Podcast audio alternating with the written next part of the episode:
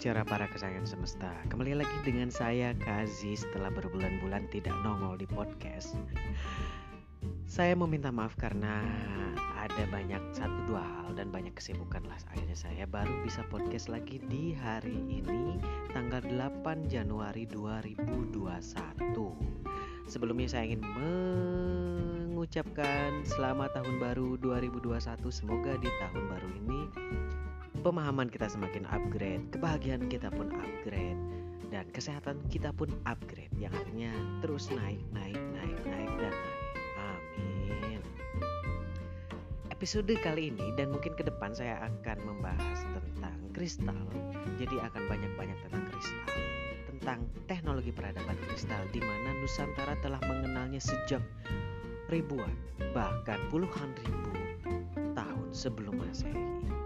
Seperti apa sih? Mari kita dengarkan podcast ini yang di mana uh, pemaparan ini sudah saya guar atau saya bagikan di Sanicara Sawala Bumi Dega Sunda Akademi yang didirikan oleh Abah Luki Hendrawan atau biasa dikenal dengan Abah Uci.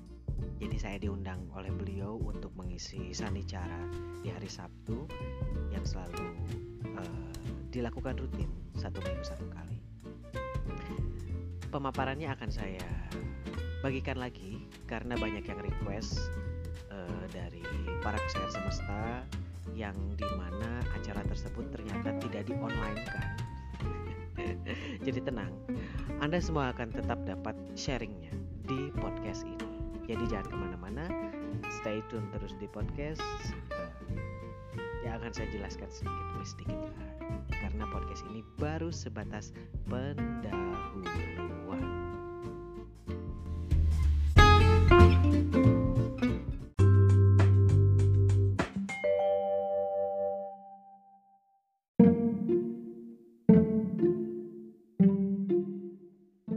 Kristal Siapa sih yang tidak pernah mendengar kata kristal?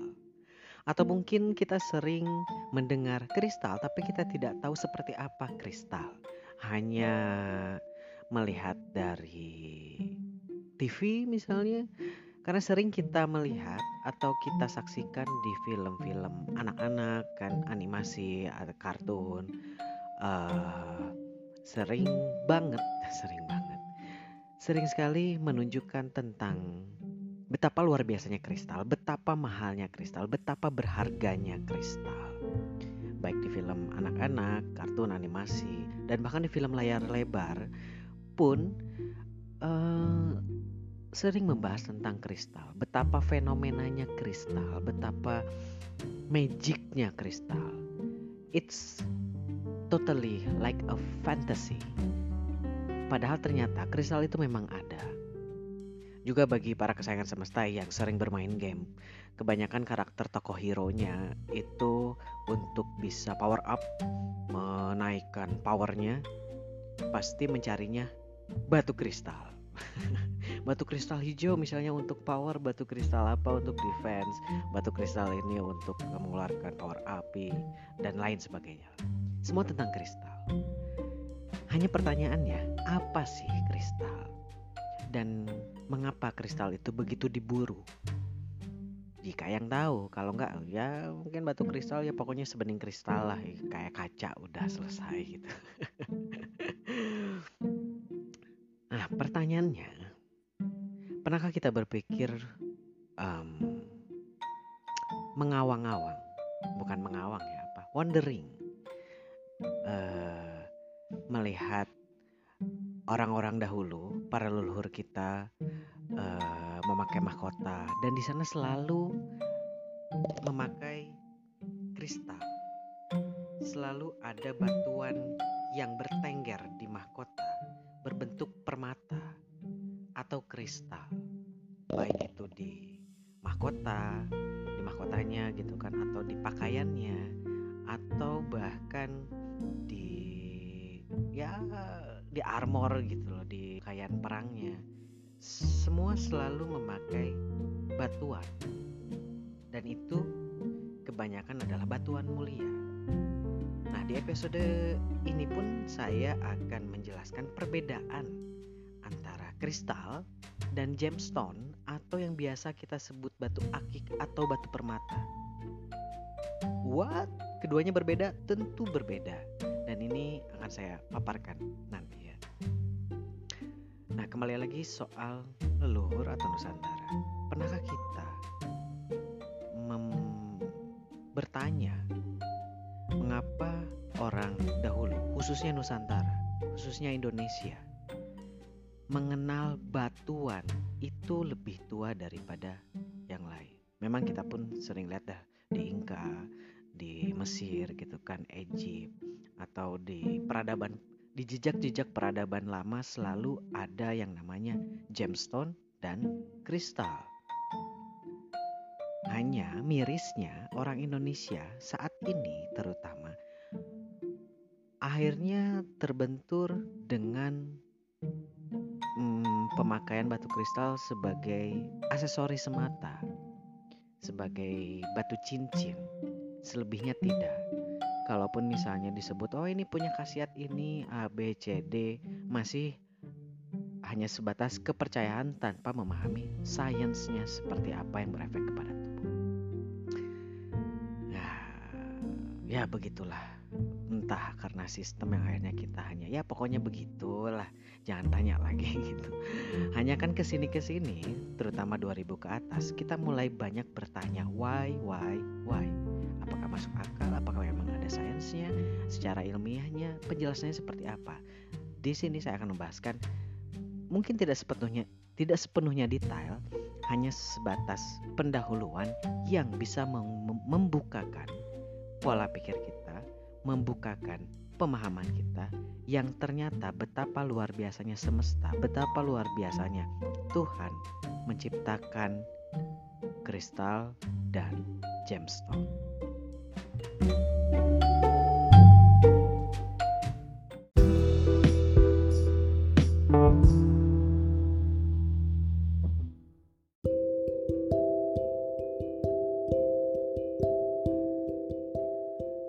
Sebuah pertanyaan menggelitik. Dari mana para leluhur kita mendapatkan kristal? Mengapa hampir dari Aceh hingga Papua mereka selalu memakai batu-batuan? Dapat dari mana sih?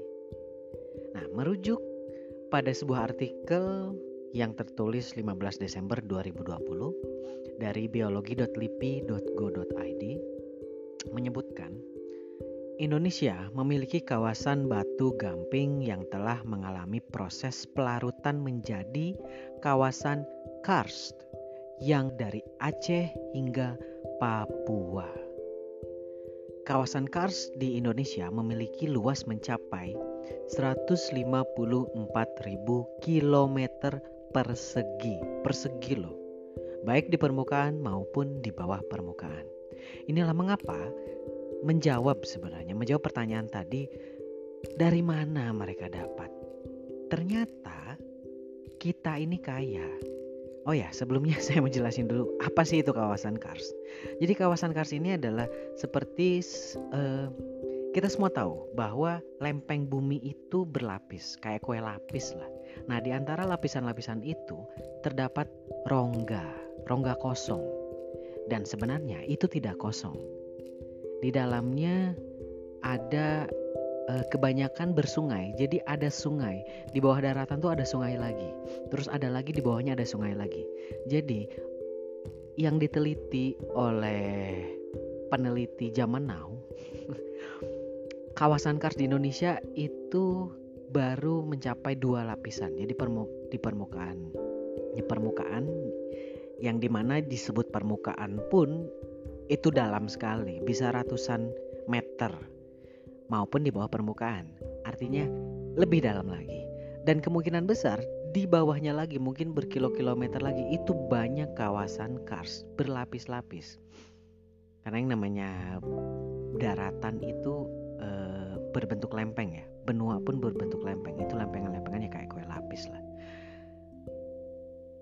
Wajar jika leluhur kita di mana pun Indonesia lah Nusantara itu di peradaban-peradaban lama selalu membawa yang namanya manik-manik atau uh, batu akik, gemstone, dan kristal. Karena kawasannya yang begitu luas. Begitupun di Wikipedia. Di Wikipedia saya ambil sebagian bahwa daerah Kars terbentuk oleh pelarutan batuan, terutama batuan karbonat atau dolomit, evaporit, gips dan helit, silika, batu pasir dan kuarsa, di mana kuarsa ini masuknya ke kristal, dan di basalt dan granit yang kondisinya cenderung terbentuk gua. Daerah ini disebut kars asli. Berarti ada kars palsu. Jadi maksud kars palsu ini adalah ketika ada fenomena alam eh, apa gunung merapi meletus itu kan ngeluarin lava. Jadi ketika lava keluar ke daratan, ke permukaan, terjadi ruang kosong di di lapisan bumi. Nah, ruangan kosong itu akhirnya membentuk gua.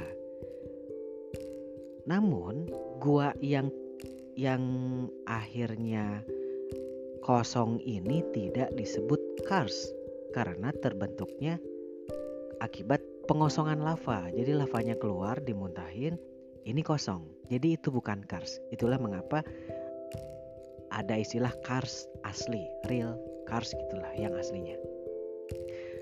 Di Wikipedia pun disebutkan hampir sama seperti yang Livi katakan bahwa kawasan kars di Indonesia mencakup luas 15,4 juta hektar. Jadi bedanya kalau di Livis disebutkan 154.000 km persegi, sedangkan di Wikipedia 15,4 juta hektar. Walaupun berbeda penyebutan, namun sama, secara luas sama, yang artinya Nusantara ini begitu kaya. Kita hidup di atas kristal yang entah berapa juta ton adanya. Kristal maupun batu akik, batu-batuan mulia. Sungguh-sungguh wajar. Orang asing itu mengatakan Indonesia kaya dan ingin merebut Indonesia. Oh, langsung nasionalismenya keluar. Nah, perkiraan umur, perkiraan umur dimulai terbentuknya kawasan Kars dimulai sejak 470 juta tahun lalu. Wah, saya belum lahir itu. Entahlah di kedai di past life mungkin ada yang lahir di antara itu kali ya. Nah, sampai yang terbaru, yang paling muda, kawasan Kars ini terbentuk 700 ribu tahun. Ini tuh yang paling muda, yang paling muda aja 700 ribu tahun. Jadi kalau misalnya para kesayangan semesta mempunyai kristal di rumah atau gemstone, jika merujuk dari data ini, paling muda pun gemstone yang Anda pakai di cin sebagai cincin, liontin, eh, kalung, perhiasan apa pun atau jadi pajangan, kemungkinan paling muda mereka usianya sudah 700 ribu tahun loh. Wow banget gak sih? Di kawasan ini menunjukkan bahwa pulau-pulau Indonesia banyak yang pernah menjadi dasar laut karena adanya aliran sungai di dalamnya. Jadi yang uh, kalau bahasa Sundanya ngeyembeng apa ya kalau bahasa Indonesianya? Uh, ya gitulah ngeyembeng teh tergenang tergenang. Jadi ada ada kawasan yang tergenang namun karena adanya kars adanya kristal itu akhirnya menjadi air tawar dan akhirnya menjadi apa air tanah itu yang naik ke atas. Apa sih bukti dari leluhur memakai batuan dan kristal? Bener gak sih gitu? Atau ini hanya cuman sebatas promosinya kasih aja mentang-mentang dia jual kristal gitu kan? No no no no no.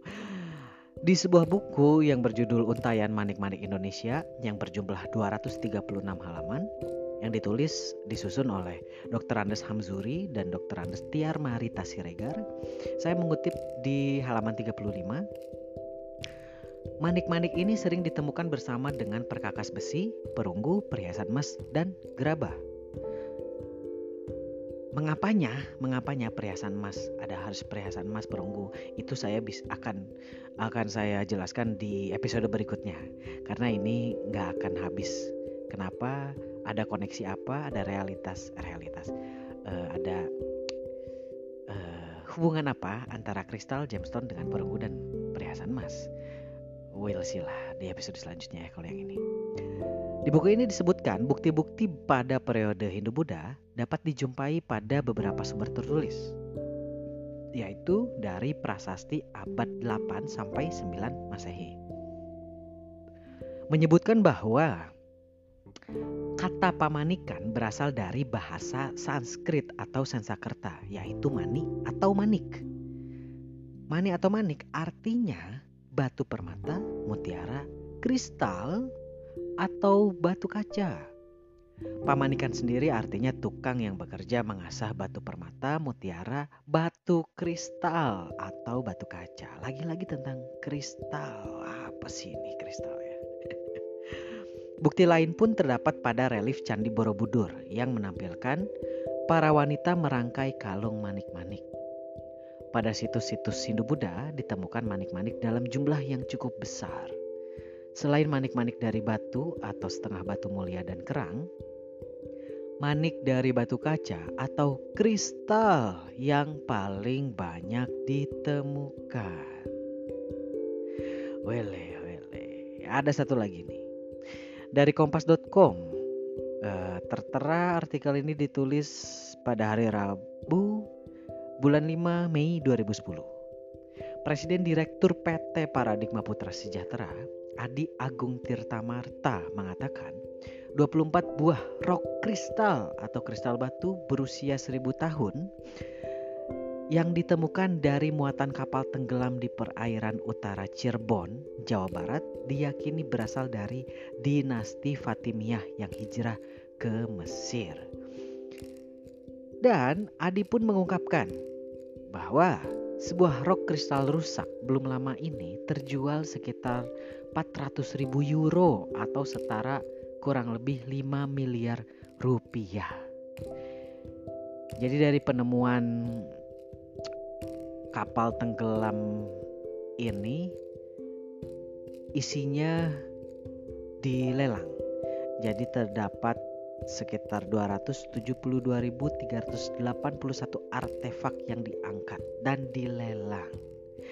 24-nya adalah kristal dan satu kristal terjual terlelang dengan harga kurang lebih 5 miliar rupiah. Dan itu pun adalah kristal rusak yang mungkin patah, tergores atau codet gitu ya. Wow. Untuk soal harga nilai ternyata luar biasa. Yang memang membuktikan bahwa edukasi itu perlu mengenai batu dan permata membuktikan Indonesia itu sangat kaya. Hanya kita sebagai masyarakatnya, sebagai bangsa Indonesia, kurang mendalami atau mungkin ketidaktahuan. Makanya saya kasih tahu. Oke, nasionalisme saya keluar lagi nih.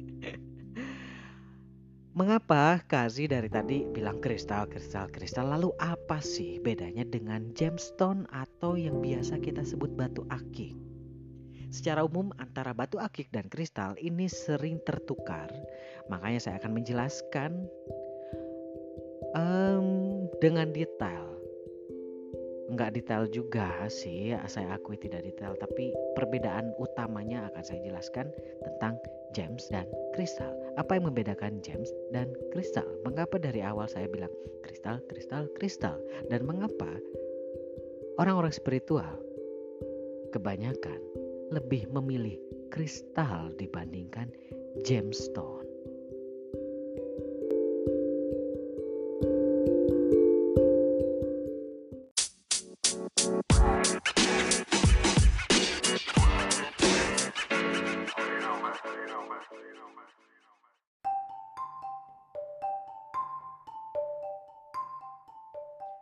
Gemstone, batu akik, dan kristal.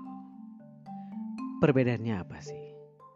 Sebelum ke sana saya mau memberikan satu contoh lagi jejak peradaban leluhur yang luar biasa, yaitu penemuan yang menggemparkan yang sempat masuk ke berita, ke koran-koran online dan offline.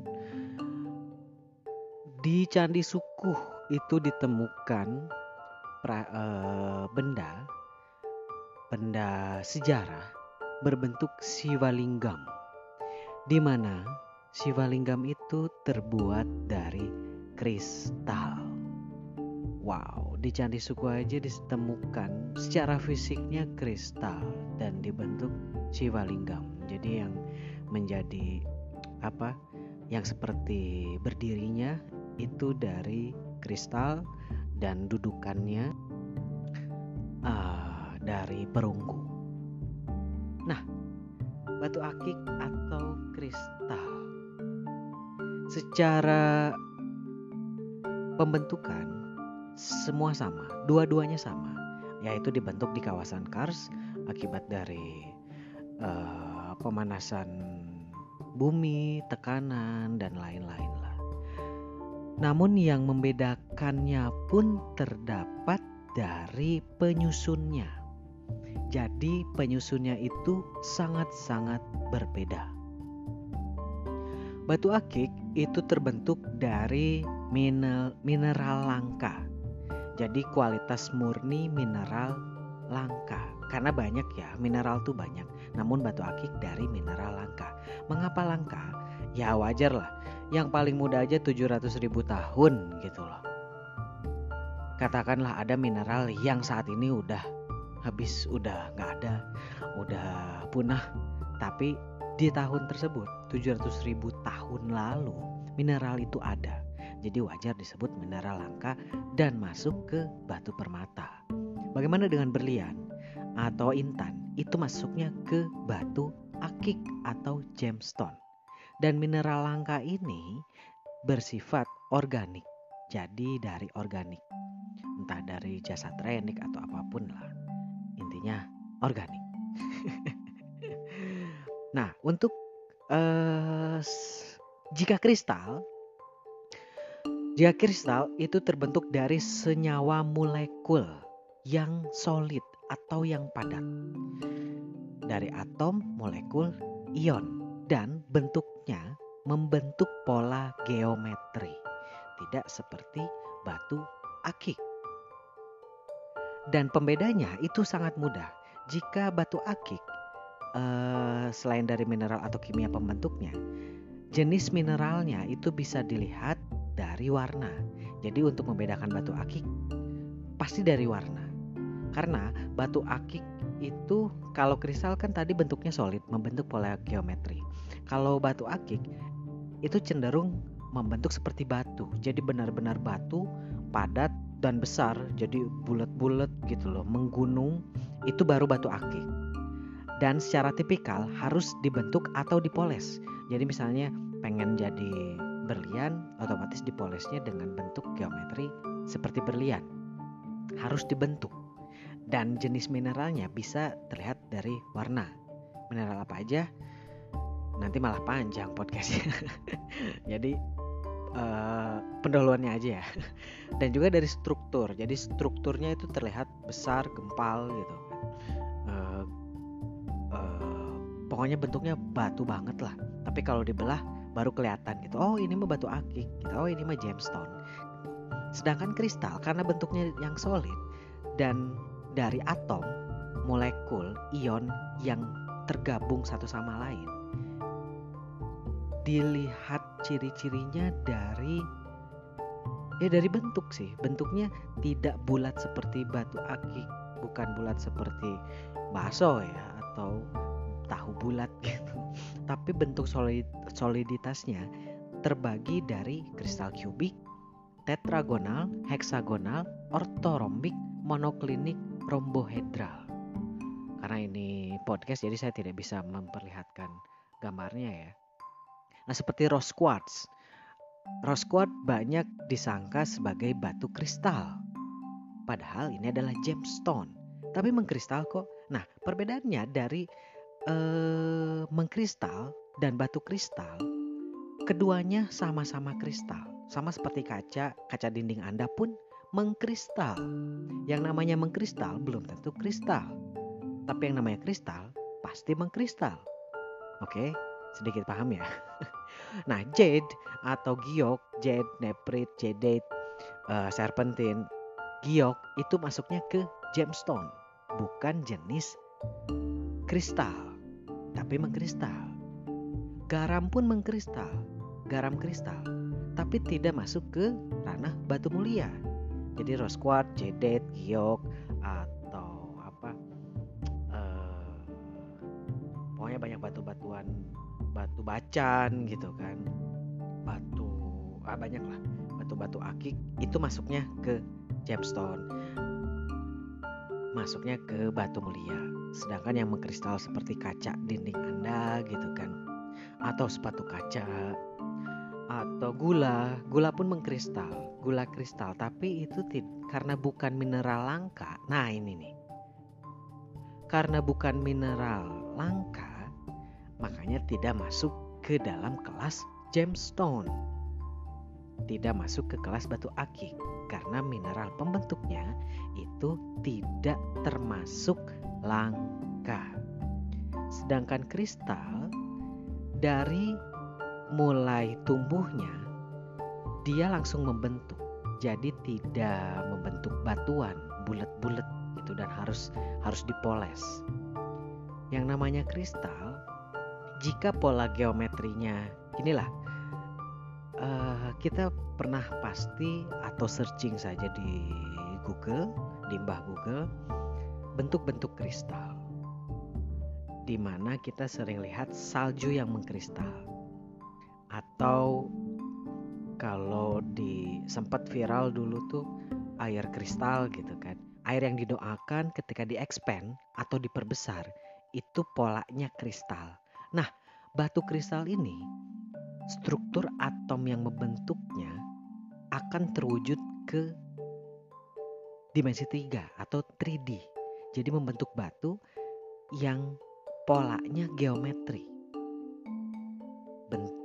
Makanya kalau misalnya melihat kristal seperti yang saya sering posting di Facebook atau Instagram itu bukan hasil dari polesan atau sengaja dibentuk uh, apa runcing atasnya gitu kan agar bisa dijadikan liontin. Tidak, tapi itu raw asli dari dalam buminya sudah terbentuk seperti itu. Itulah kristal. Jadi bentuk alaminya muncul seperti jamur-jamur satu gitu kan makanya banyak macam-macam ada yang disebutnya kalau kayak rum, rumput gitu uh, apa barnacle banyak runcing-runcing spiky kayak kulit apa kulit uh, durian. Itu alaminya seperti itu. Itulah kristal. Jadi tidak perlu dibentuk karena sudah terbentuk secara alami.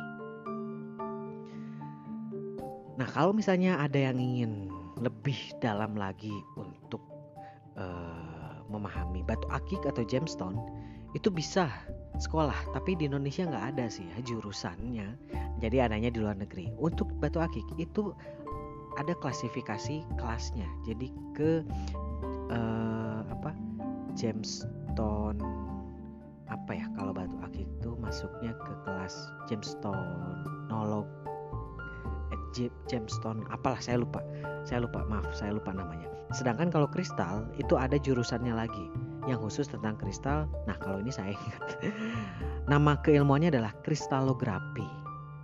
Jadi di sana akan detail sekali mempelajari tentang kristal dari pola penyusunnya, secara kimiawinya, bahkan secara fisikanya, secara frekuensi dan vibrasi yang dihasilkan oleh kristal seperti apa. Nah,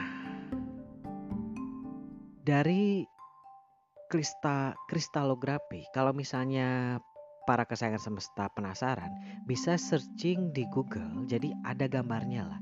Jadi bisa bisa kebayang ketika kristal di X-ray ketika memakai cahaya dan ditembuskan ke kristal, bayangannya itu membentuk atau uh, membuat pattern pola geometri sesuai dengan atom penyusunnya. Berbeda dengan gemstone. Gemstone jika ditembakkan X-ray, cahaya X-ray, hasil bayangan atau disebutnya diffraction pattern-nya itu tidak membentuk pola kristal atau atom. Tidak. Sedangkan kristal karena solid walaupun di walaupun terpotong misalnya apalagi utuh diffraction pattern atau pola geometriknya akan sama persis ketika diteliti per atom si kristalnya. Jadi benar-benar solid lah benar-benar uh, paten tidak tergoyahkan si bentuk kristalnya. Nah anda bisa membayangkan anda bisa uh, coba berpikir, lah ketika di Jepang saja sudah diteliti khasiatnya ke tubuh pola geometrik atau secret geometrik kristal dengan air yang didoakan. Jadi ketika air didoakan akhirnya si molekul airnya membentuk pola tertentu yang begitu cantik. Bisa di searching ya yang begitu cantik. Nah sedangkan yang namanya air ketika ada uh, dibawa ke mana gitu kan itu akan berubah lagi polanya menyesuaikan dengan lingkungan kita ngomong apa rubah lagi kita ngomong apa rubah lagi makanya kan kalau mau minum atau mau makan itu kita selalu disarankan untuk berdoa kan itu agar pola si airnya membentuk kristal, membentuk geometri alami yang begitu cantik lah. Nah, untuk kristal dia polanya dan memvibrasikan getaran si kristalnya itu kristal kan hidup. Jadi dia terus bergetar, menyebarkan vibrasinya, frekuensinya yang membentuk pola geometri. Makanya wajar batuan apalagi kristal selalu dihubungkan dengan healing karena air pengobatan pun ketika di-expand atau diteliti molekulnya membentuk pola kristal apalagi kristal hmm oke terus kita pola kristal nah kita masuk ke mengapa Kazi dari sekian banyak jenis kristal ada ada yang disebut fluorite, wolfenite, tanzanite, azurite, amazon, emerald gitu kan. Rhodochrosite gitu. Mengapa Kazi memilih clear quartz? Mengapa merekomendis merekomendasikan clear quartz? Karena clear quartz di luar sana. Aneh ya? Kalau kita pikir-pikir, saya sering mikir loh. Mengapa Indonesia yang begitu kaya, yang dari Aceh sampai Papua dengan 154 juta hektarnya batuan dan kristal. Mengapa harus warga negara asing yang akhirnya meneliti tentang kristal? Kok kita malah muter-muter aja gitu kan?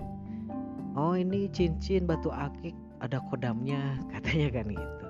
Bisa begini bisa begitu tanpa memahami. Sebenarnya nggak ada kodam itu tapi memang bawaan si batuannya yang akhirnya mempengaruhi pola energi tubuh mempengaruhi pola geometri tubuh di mana tubuh itu lebih dari separuhnya, tiga perempatnya air loh.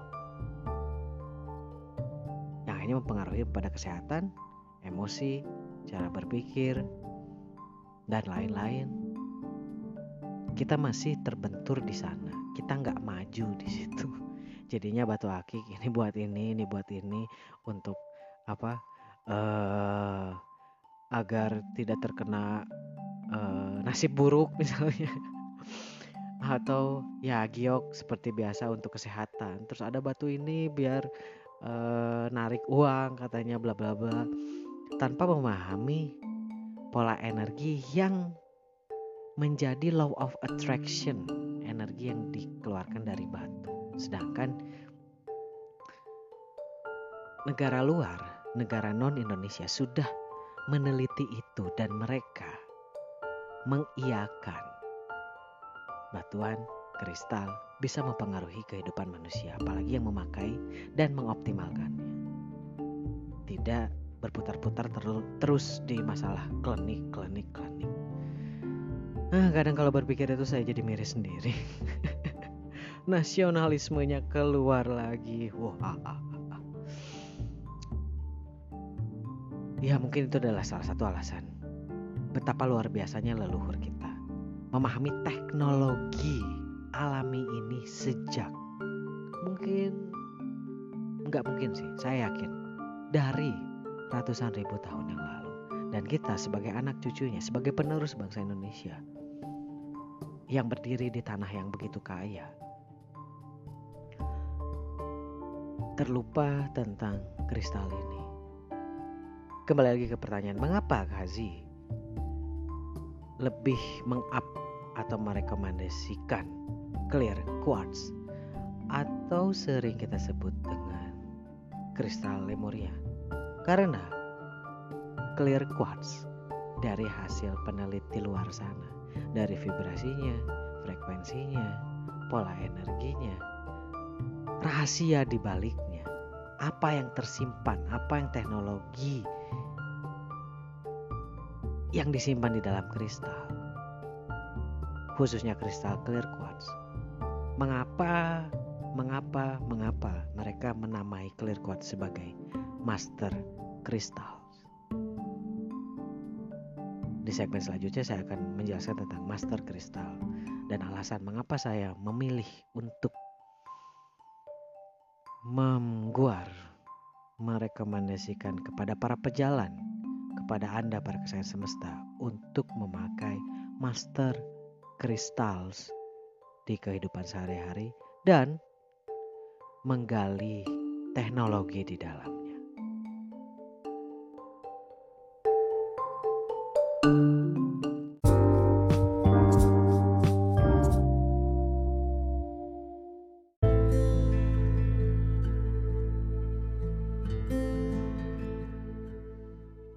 Bagi para kesayangan semesta yang mengenal meditasi atau istilah spiritual, label spiritual, pasti paham tentang cakra. Bahkan kemungkinan besar para kesayangan semesta pun mendapatkan informasi tentang batu-batuan termasuk kristal ini, batu akik, gemstone gitu kan. Jika ingin mengaktifkan cakra ini pakai batuan ini. Jika ingin uh, mengaktifkan cakra apa? Pakai batuan ini gitu. Saat meditasi bla bla bla bla bla. Itu tidak ada yang salah. Semua jalan dipersilahkan dan ya intinya nggak ada yang salah semua benar. Kembali pada mengapa saya merekomendasikan si kristal yang akhirnya mendapatkan predikat master crystals ini atau clear quartz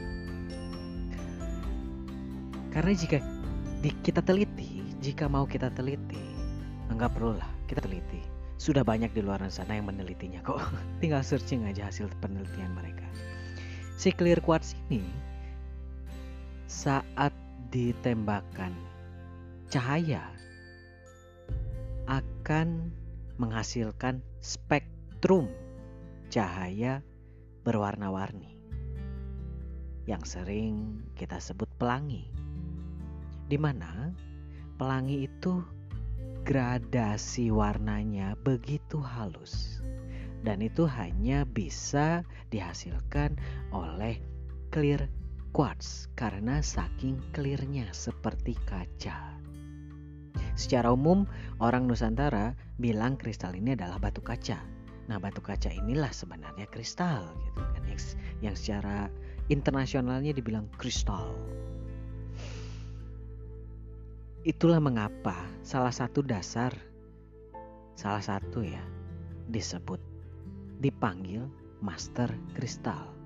Karena dari, dari satu kristal ini mewakili seluruh warna cakra dasar. Ada di satu benda. Jadi Anda tidak perlu membeli banyak uh, banyak batu, berbagai macam batu, tapi terserah lah gitu kan. Kalau untuk koleksi masih oke okay lah Dari satu kristal ini saja itu sudah mencakup semua cakra. Dengan warna bening bukan artinya bening itu tidak berwarna. Sama seperti jika kita melihat cahaya matahari. Cahaya matahari cenderung tidak berwarna. Seperti bening aja gitu. Kayak nggak ada warna. Tapi justru dari yang terlihat kasat mata retina uh, apa daya tangkap retinanya tidak menangkap semua frekuensi cahaya.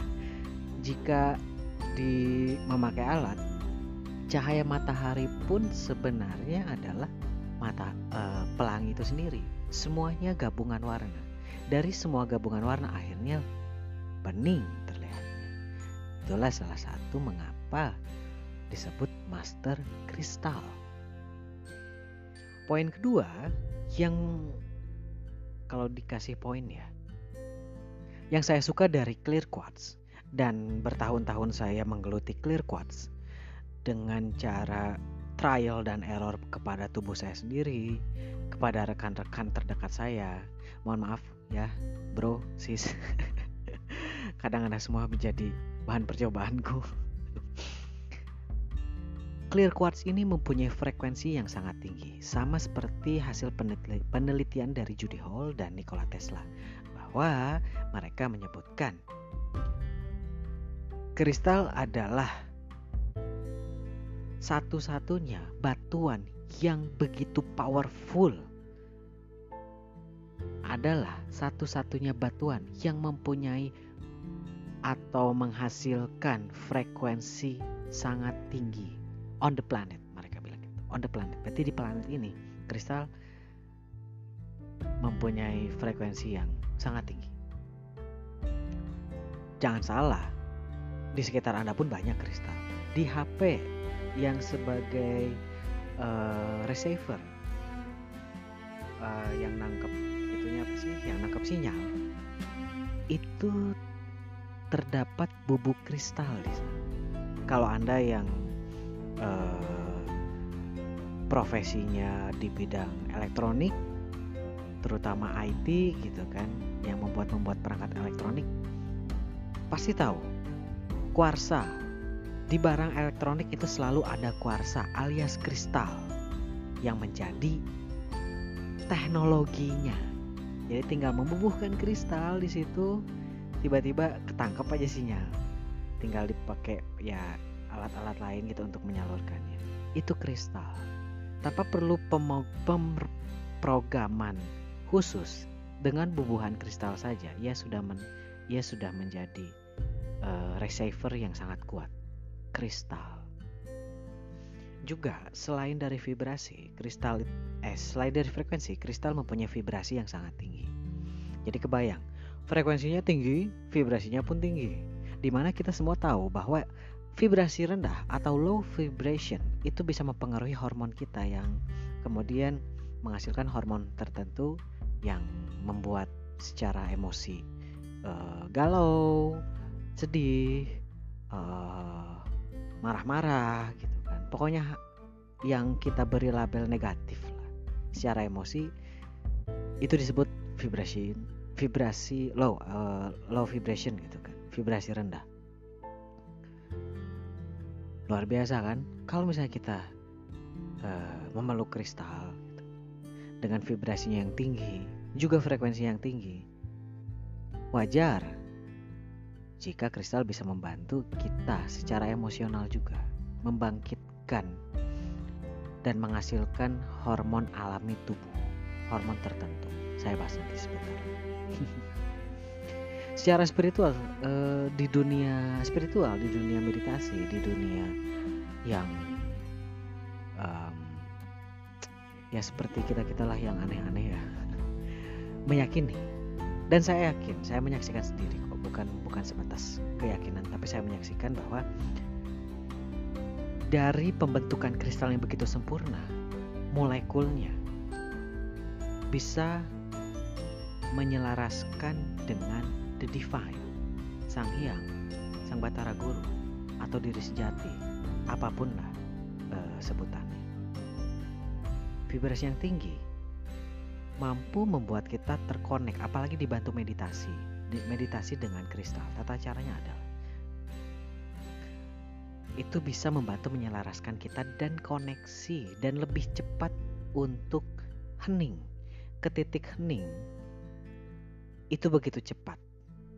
Ngeskip dibandingkan jika kita tidak memakai tools atau alat bantu apa pun kita bisa tetap mencapai tingkat itu hanya secara waktu tergantung jam terbang ya lebih lambat jadi kita bisa latihan dengan kristal untuk proses menekung, proses menghening lebih cepat. Juga, kristal terwujud dalam berbagai bentuk. Seperti yang di segmen sebelumnya saya sebutkan, bentuk kristal itu banyak, ada kubik, hexagonal, dan lain sebagainya. Namun tetap cantik. Saya sarankan Anda untuk googling bentuk-bentuk kristal atau atom molekul kristal. Seperti itulah penyusunnya. Dan masing-masing, masing-masing kristal, jika Anda sudah olah rasa, bisa membedakan e, rasa energi antar satu kristal dengan yang lain. Itu mempunyai rasa energi yang berbeda. Karena dipercaya oleh para peneliti dan disaksikan olehku sendiri Masing-masing kristal itu mempunyai tugas khusus yang akan membuka pintu ke dimensi yang lebih tinggi dan memungkinkan manifestasi atau pengaplikasian pengetahuan ke dalam dimensi tiga atau fisik atau keseharian. Jadi kita bisa mengaplikasikan pembukaan pintu ke dimensi vibrasi dan frekuensi yang lebih tinggi ini ke keseharian. Makanya wajar orang-orang yang sering meditasi biasanya orangnya lebih kalem, lebih nerimo walaupun memang sekali tegas cepet jelek gitu. Karena pembukaan pintu dimensinya sudah terbantu oleh meditasi, oleh hening itu. Dan kristal itu mempunyai tugas ke sana. Jadi mempercepat pembukaan ke dimensi-dimensi yang lebih tinggi. Master kristal atau clear quartz atau Kristal lemurian memancarkan frekuensi energi yang turut membantu membimbing kesadaran kita ke tingkat jiwa dan membawa kemurnian pikiran dan tindakan ke dalam hati dan pikiran kita. Di dalam ratusan penelitian, meditasi membantu menghasilkan empat hormon dalam tubuh yang terlibat dalam kecerdasan intuitif dan kecerdasan spiritual dan ini bertingkat. Jadi ketika kita meditasi, mulai hening, mulai masuk ke delta, mulai masuk ke delta, eh, apa ke theta, terus yang lebih dalam lagi, lebih rendah lagi, lebih rendah lagi. Uh, tubuh kita menghasilkan hormon tertentu. Jadi ada hormon alami yang uh, letaknya di pineal gland, pituitary, atau yang sering kita sebut mata ketiga, gitu kan. Untuk level pertama, yang muncul adalah adalah hormon melatonin. Untuk penjelasan hormon ini perlu episode khusus ya. Jadi saya skip dulu. Yang level pertama adalah melatonin. Terus naik lagi. Kita semakin deep. Semakin dalam muncul lagi hormon pinolin. Lebih dalam lagi hormon 5 MeO-DMT. Naik lagi dan ini yang paling puncak yaitu dimetil triptamin atau sering kita sebut DMT. Nah, menekung atau hening, titik hening terdalam itu terjadi ketika otak kita menghasilkan hormon DMT ini. Dan kristal bisa membantu kita untuk skip, misalnya melatonin langsung tiba-tiba ke DMT, atau mungkin tanpa perlu uh, menghasilkan melatonin dulu, kita bisa langsung di MT. Itulah alasan besar mengapa orang-orang yang meditasi, yang fokus, yang apa, yang edik meditasi, itu selalu membawa kristal sebagai alat bantu. Kenapa ada ediknya? Karena saat meditasi, selain dari hormon, tubuh pun uh, menghasilkan biokimia uh, biokimia atau uh, sejenis dengan psikotropik gitu yang alami di dalam tubuh. Jadi dalam tubuh kita pun punya uh, endorfin atau narkotika alami. Jadi narkotika yang uh, dihasilkan oleh tubuh kita sendiri. Nah, meditasi ini menghasilkan endorfin, narkotika alami ini. Makanya wajar banyak yang sekali meditasi, dua kali meditasi itu ada ada, ada rasa adiktif terhadap meditasi. Karena meditasi itu menenangkan karena lagi hasil endorfin ini dan DMT. Narkotika kan alami ya, jadi daripada kita beli-beli narkotika di luar, nanti ditangkap, mending menghasilkan narkotika alami aja. Nah selain itu, meditasi pun mengaktifkan neurotransmitter yang membuat cara berpikir kita lebih cepat, lebih encer lah, otak kita lebih encer gitu kan, lebih pintar. yang hasilnya ke keseharian kita bisa memilih hidup, memilih uh, keputusan dan membuka jalan untuk memetakan konsekuensi-konsekuensi apa saja yang akan dihasilkan atau yang akan dihadapi jika kita memilih pilihan tersebut. Uh, yang begini saya sudah bahas di podcast sebelumnya ya tentang pilihan. Begitulah mengapa pada akhirnya saya menyarankan uh, meditasi pun dibantu dengan kristal. Namun yang patut digarisbawahi adalah jangan sampai tergantung dengan kristal. Ini hanya alat bantu. Oke. Karena episode ini begitu panjang, saya selesaikan dulu sampai sini. ya, terlanjut.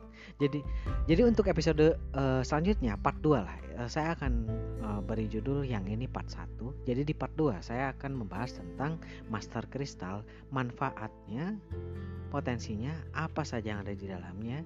Sebagai sebagai bocoran, kristal ini bisa kita bisa mendownload data, kita bisa install program, kita bisa saving data, kita bisa kita bisa setting apa sih maksud install, download, save, setting program kristal?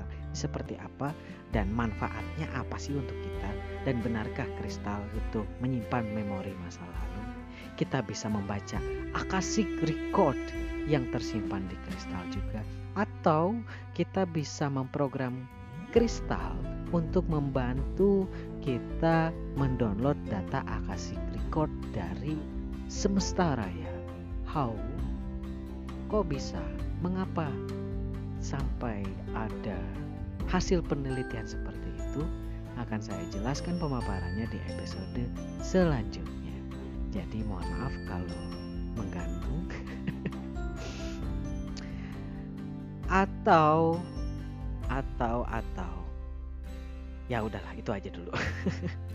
Terima kasih untuk para kesayangan semesta yang sudah mendengarkan. Dan mohon maaf kalau misalnya memang di part 1 ini menggantung karena ya panjang. Saya akan membuat podcast selanjutnya di part 2 yang lebih fokus kepada master kristal.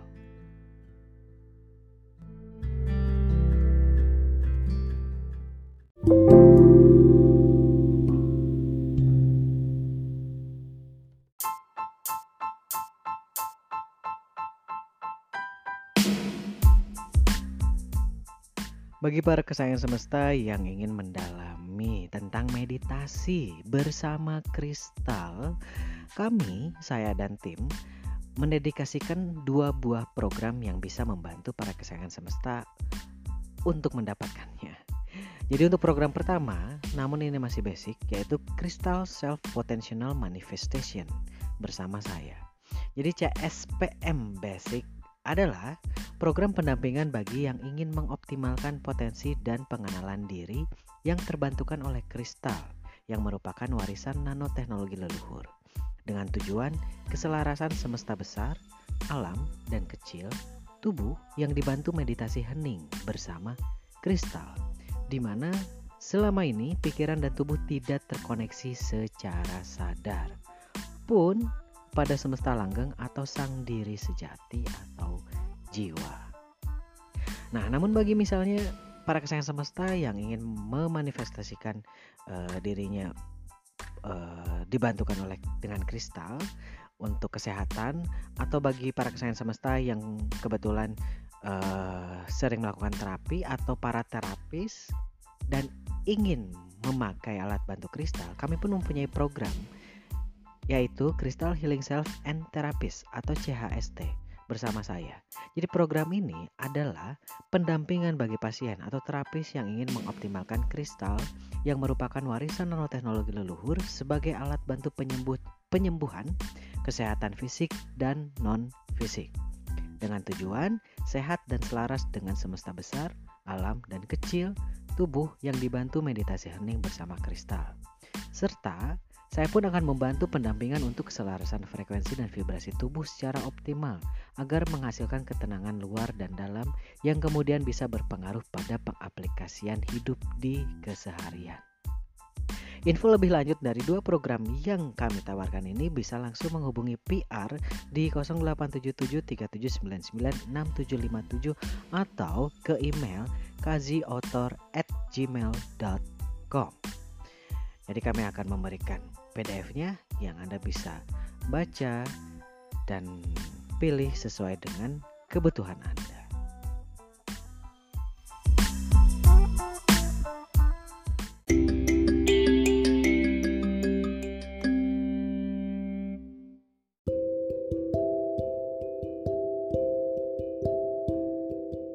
Terima kasih saya aturkan kepada para kesayangan semesta yang sudah mendengarkan podcast ini. Tunggu episode selanjutnya dari Kristal karena yang episode ini baru part 1 ya. Di part 2 saya akan membahas tentang Master Kristal, khusus Master Kristal, manfaat dan bagaimana memanfaatkannya. Ah, mungkin minggu depan lah kita lihat. Nah, sebelum penutup, uh, saya ingin menawarkan buku The Gamers of Galaxian. Bagi para kesayangan semesta yang belum membaca, bisa memesannya langsung ke PR kami di 087737996757 atau lewat Shopee. Jadi bisa lewat Shopee. Uh, cari aja link pokoknya Kazi Author nanti akan ada uh, bukunya di sana. Ya itu saja. Lagi-lagi saya mengucapkan terima kasih. Ah, untuk para kesayangan semesta, teruslah berbahagia, teruslah mengendalikan emosi, mengendalikan pikiran terutama di masa pandemik ini. Jaga pikiran ter terutama ya. Dengan pikiran yang tenang dan pikiran yang bahagia, maka imunitas tubuh akan naik. Sehingga semoga dan tersemogakan semesta mendukung kita untuk selalu sehat dan aman secara kesehatan dan juga keuangan tentunya. salam rahayu, salam rahayu, rahayu, rahayu pun tabe pada semuanya.